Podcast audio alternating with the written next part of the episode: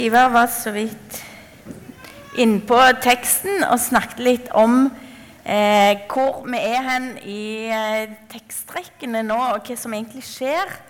Eh, at disiplene er i et veldig sånn kaos. Eh, jeg vet ikke hvordan dere er, men jeg liker å leve med litt sånn ting som jeg vet har litt planer. Jeg vet litt hva som skal skje og jeg har litt kontroll over tilværelsen. Jeg tror de aller fleste mennesker liker det. Noen takler bedre store endringer enn andre. Men sånn som disiplene hadde det nå, det må ha vært tøft uansett hvem du var, og hvor mye du elsker forandringer. Her har de fulgt Jesus i tre år og det er han som har leda alt. Det er han som har vært med og liksom hele veien. Så skal vi gå der, så skal vi gå der, og så taler han og han. Det er han som går og handler. Nå må dere gå og handle, nå må dere gjøre det. Liksom. Og så plutselig så bare dør han. Og da har de jo allerede klart å komme til at han må jo være Gud. Og alle vet at en Gud ikke skal dø. Så de har liksom kommet de har vært med han hele veien, og de har kommet til den erkjennelsen han er Gud. Det skal skje noe her. Og så dør han. Ja, han har prøvd å forklare det, men de har ikke forstått det. Og Derfor så er det et sjokk. Og de er liksom bare i et kaos. Og så er det jo litt rart at det, Jesus ikke viser seg først for de tolv, som nå hadde blitt elleve. Han viser seg først for kvinnene, og så til Emmaus-vandrerne. Kanskje at vi av og til tenker litt for sært om det forholdet eh, Jesus og disiplene hadde sammen. At vi liksom veldig fort bare tenker det var deg. For det, Bibelen forteller jo hele veien om at det var kvinner rundt der, og det var folk rundt der. Så det, de var jo mange mer hele veien, men det var jo noe spesielt med dem. Men jeg syns allikevel at det er veldig fint at selv om de var utvalgt på en helt spesiell måte og hadde en spesiell tjeneste, så er det ikke sånn at derfor så fikk de på en måte alle fordelene og liksom fikk liksom oppleve de store tingene først. Men det var faktisk Og vi kan jo tenke Hvis, hvis Peter og Johannes de var jo i grava, og de så at han var tomme så står det bare 'men de gikk hjem'. Men Maria var igjen. De kan jo angre på at de gikk. Hæ? De gikk hjem. Maria var der. Og jeg syns det er fint at Maria hun var der i sin nød og i sin sorg. Og det var der Jesus møtte henne. Og husk på det når du har det vondt, at Jesus er der. Jesus kan møte deg midt i din dypeste fortvilelse. Og det er ikke alltid vi kjenner han igjen med en gang. Vi ser alle disse fine bildene om når Jesus sto opp. Men jeg har ikke ennå funnet et bilde der Jesus bare ser ut som en gartner. Hvorfor ikke? Det var jo det hun trodde han var. Hun trodde bare det var en gartner. Jeg har lyst til å se det bildet. At Maria ser en mann der, og hun tror det er en gartner. Og så er det Jesus. Og så er det Emmaus-vandrerne. De skjønner det ikke heller. Og så hvordan skal disiplene nå forholde seg til dette her? Det er jo Ja, han er død, og det er helt kaos, det er sorg, og de vet ingenting. De har ingen peiling på hvordan livet skal bli nå. For de har jo ofra alt for å være med Jesus, og nå er han vekke. Og så begynner de å si at han har stått opp igjen. Og på en måte OK om de så begynner å tro på det, men hva da? Hvordan skal de nå leve? Hva, hva blir livet nå? Hva, hva som skjer nå? For det er liksom, det er ikke bare de lurer på har han stått opp eller ikke. Skal vi tro på det, skal vi ikke tro på det? Men det er liksom Ja, men hva med livene våre nå? Hvordan skal vi leve? Hva skal skje? Det er et helt vanvittig kaos. Og så viser Jesus seg på kvelden den tredje dagen til disiplene. Og nå er de faktisk bare de ti, for Thomas er jo ikke der. Og så syns jeg det er så utrolig fint at Jesus han kommer, og han står midt iblant deg. Midt iblant deg. Og det er det han har lovt oss òg. Han har sagt at han skal være midt iblant oss òg. Og han er det. Midt iblant dem. Og så hilser han med fred.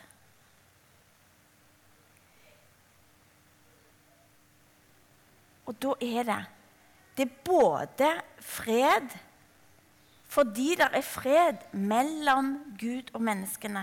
Akkurat sånn som hyrdene sang på Betlehemsmarkene.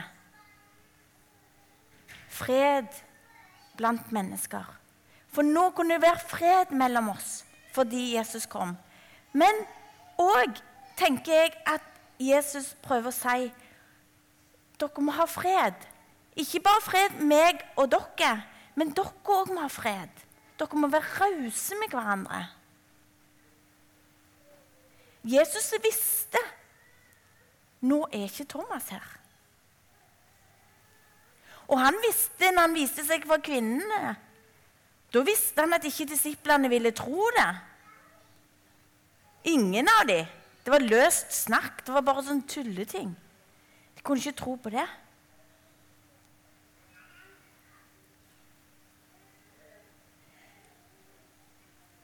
I Jesus sin ypperste prestlige bønn så er det òg en veldig, veldig nød for Jesus om at vi skal ha enhet og fred med hverandre. Det er så viktig i menigheten vår her i misjonssalen at vi er rause med hverandre, og at vi har fred med hverandre. At vi kan blomstre på vår måte, med våre farger, våre fasonger, i fellesskapet.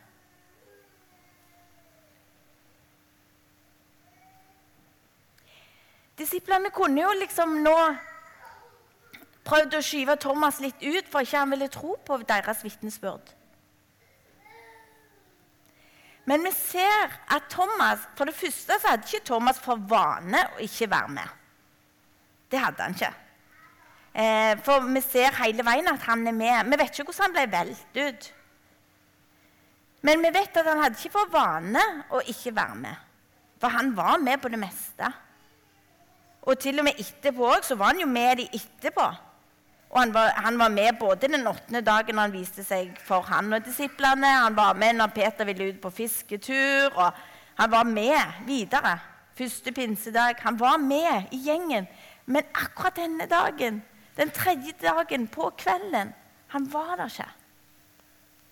Tenk så vondt for Thomas. Av og til kan vi òg kjenne på det. Jeg fikk ikke være med å oppleve det. Det kan ha vært et møte, eller det kan være noen som får en opplevelse. Noen som får et møte med Jesus, møte med en tekst. Og så fikk ikke du den opplevelsen. Og så hadde du sånn lengsel etter det. Og så fikk ikke du det da. Det er utrolig vondt. Det er utrolig vondt når andre kjenner på en sterk tro. Du kjenner på en tvil, en vantro. Eller du føler på et svik fra Jesus. For det kan vi føle. Vi kan føle at Jesus svikter oss. Jeg sier ikke at Jesus svikter oss. Men vi kan ha en opplevelse av å bli svikta av Jesus mange ganger. Det kan være i bønner, og det kan være i opplevelser. Det kan være i, i hva som skjer i livene våre. Så kan vi føle at Gud svikter oss. Jeg tror Thomas må ha følt noe av dette. Og så tenker vi Thomas, ja. Tvileren. Mm. Men de tvilte alle. Og det er veldig tydelig at alle Det var ingen av de som liksom trodde når kvinnene kom. Det står at Johannes trodde når han så den tomme grava, men det står ikke helt hva han trodde, og hvordan han trodde.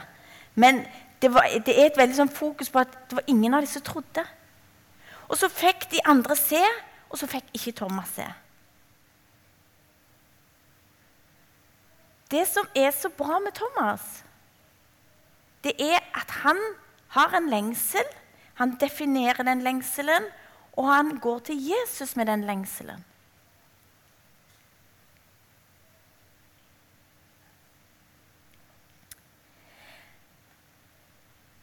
Før vi leser teksten Nå tror dere kanskje jeg har glemt hele teksten egentlig å lese den.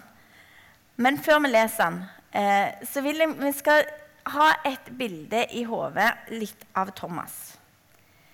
Thomas hadde ei sterk tro. Når Lasarus var død, og Jesus venta med å gå tilbake til Maria og Martha han venta i to dager, og så sa han, 'Nå går vi'. Så begynte disiplene nei, vi kan jo ikke det.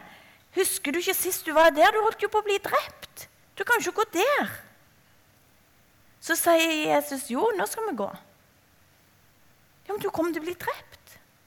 Og det er ikke sånn bare de liksom sa det litt sånn på tull, men dette er alvor. De trodde at Jesus kunne bli drept. Og det som Thomas da sier, det er at Kom igjen. Vi blir med og dør sammen med Jesus. Kom igjen, disipler. Vi blir med. Han hadde ei tru, og han hadde ei sterk tru. Og han hadde en åpenhet og en frimodighet. Når Jesus forteller at 'jeg skal gå bort', så sier han, 'Ja, men hvor skal du hen?' For han vil være med. Hvor skal du hen? Vi vet ikke veien. Han er på, og han vil være med Jesus.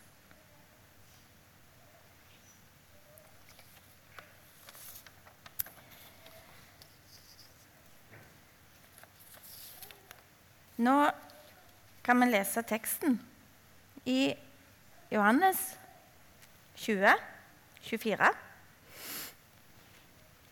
Thomas, en av de tolv som ble kalt Tvillingen, var ikke sammen med de andre.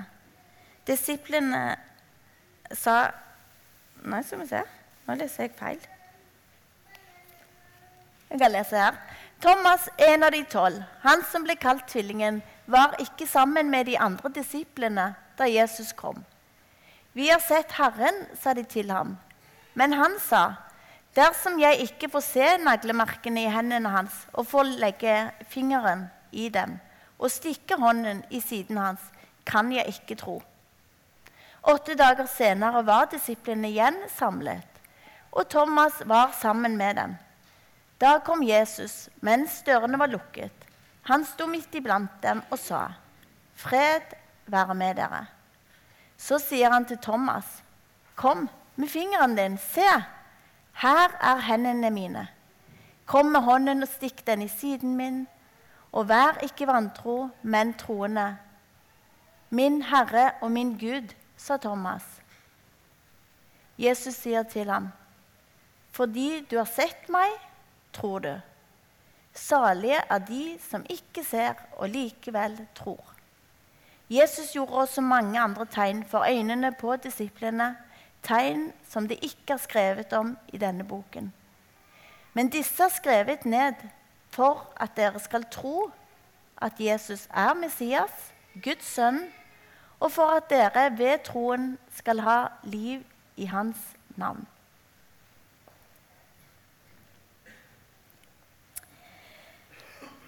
Thomas han var tvilling. Han var vant med å være sammen med noen hele veien. Han var oppvokst sånn.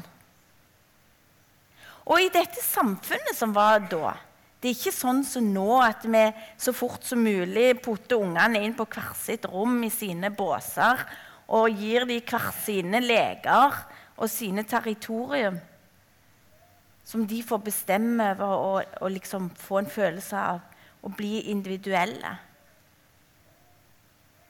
Det var et kollektivt samfunn.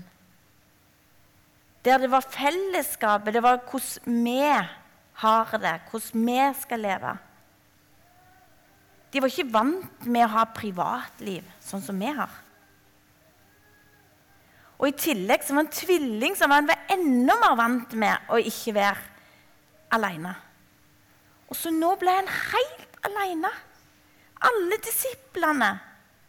Første kvinnen og Emmas-vandrerne og disiplene. Nå var det bare han. Så måtte han vente åtte dager. Over ei uke. Det er kjempelenge.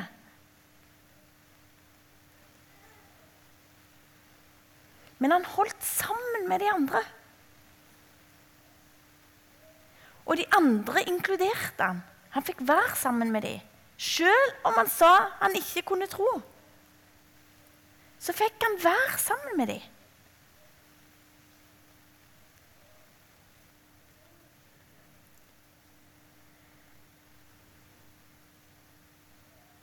Og det som òg er fint, er at Thomas han forteller meg noe med å ha en sånn forventning til Jesus. For meg forteller han jeg kjenner Jesus. Han, er, han stiller opp for meg. Han er ikke en sånn som bare lar de andre få oppleve, og så OK, du, synd for deg, du var ikke der. Det er din sak. Det får du stå for. Thomas forteller meg jeg kjenner Jesus. Han er ikke sånn. Jesus han vil stille opp og komme til meg for det om jeg ikke var der da. Og den forventningen har jeg så lyst at vi òg skal ha. Selv om de andre har fått noe før, eller noe større, eller hva.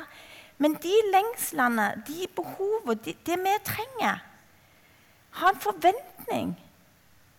For Jesus, han leverer. Han leverer ikke alltid sånn som vi vil, og når vi vil, og på den måten vi vil. Men han vil levere noe til oss når han ser det rett tid og sted. Så ikke legg vekk den lengselen. Jesus snakker i saligprisningen om lengsel. De som tørster, de som hungrer, de som er i fengsel. Altså de, de som har en lengsel, de som, de som forventer noe, de som trenger mer. De er salige, de er heldige. De lever rett. Det, det, er sånn vi skal leve. Vi skal leve, vi skal ikke tro at vi skal bli mette og være tilfreds med livet her. Vi skal ha en lengsel etter ting til vårt liv, men òg til våre medmennesker, til verden, til Norge, til NLM. Men vi skal ha en lengsel om Guds rikes framgang og hvem, hvordan de skal bli nådd. Og en spenning og en undring. Hvordan kan Gud nå de menneskene der? Hvordan kan Gud bruke meg nå?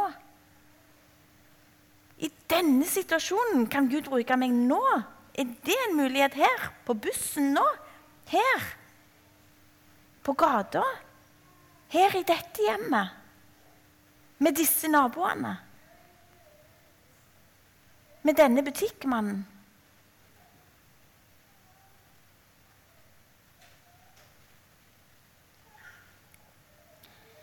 Jesus kommer igjen med fred, og det gjør han. Han kommer alltid med fred. Han vil ha fred. Gud ønsker fred, og han er fred.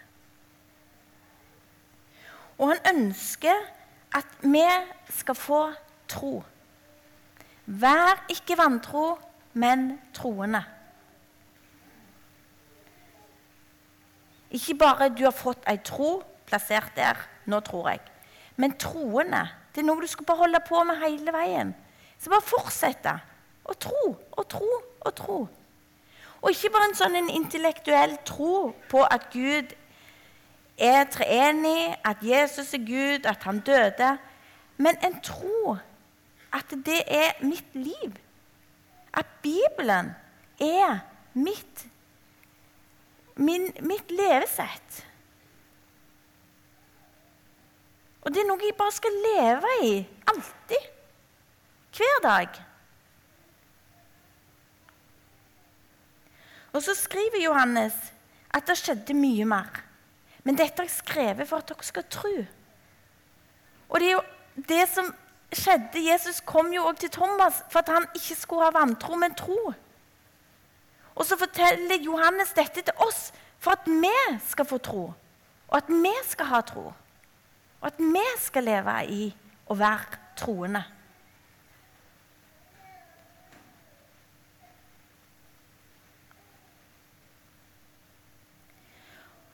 Å tro, det er noe som holder.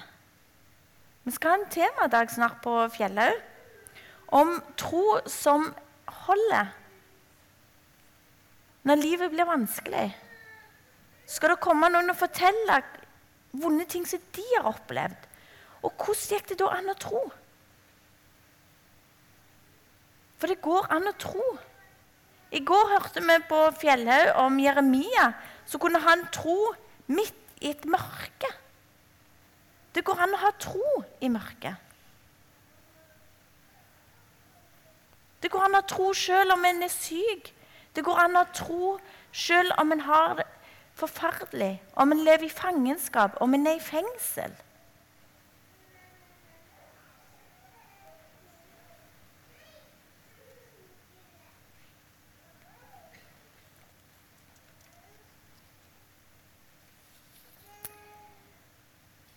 Så syns jeg det var veldig fint med den lappen som de hadde her på søndagsskolen. Så sto det 'tro' med T-en her, og så 'tvil'. Tvil, vil, tro. Skjønte dere det? At tvilen, Hvis tvilen er der at du vil tro, så er det en rett tro. Men hvis tvilen blir en sånn en ting for å enten utsette avgjørelser eller holde deg vekke fra det, Men hvis en har tvil, om en har vantro, om en, hva en vil kalle det, men at en allikevel går til Jesus med det og vil være der For tro er det å være med Jesus. Vil tro. Det er nok, det. Og så trenger vi ikke å være så opptatt av hvor mye vi tror, hvor lite vi tror, hvor mye vantro, hvor mye tvil alt dette her. Men at vi er med Jesus, så er det det som er tro. Det er det som er å være kristen. Det er å være med Jesus. Skal vi be. Jesus, takk for at du vil være sammen med oss, og du vil møte oss. Du vil gi oss det vi trenger, og du ønsker å gi oss tro sånn at vi kan leve i den. Og jeg ber Jesus om at vi alle må få oppleve at du er sann, at du er nær, at du er personlig. At du møter våre lengsler og behov. Jeg har lyst til å be om at du er med her i forsamlingen. Jeg ber om at du velsigner hver enkelt. Jeg ber om at du er med oss. At du får være midt iblant oss med din fred. Amen.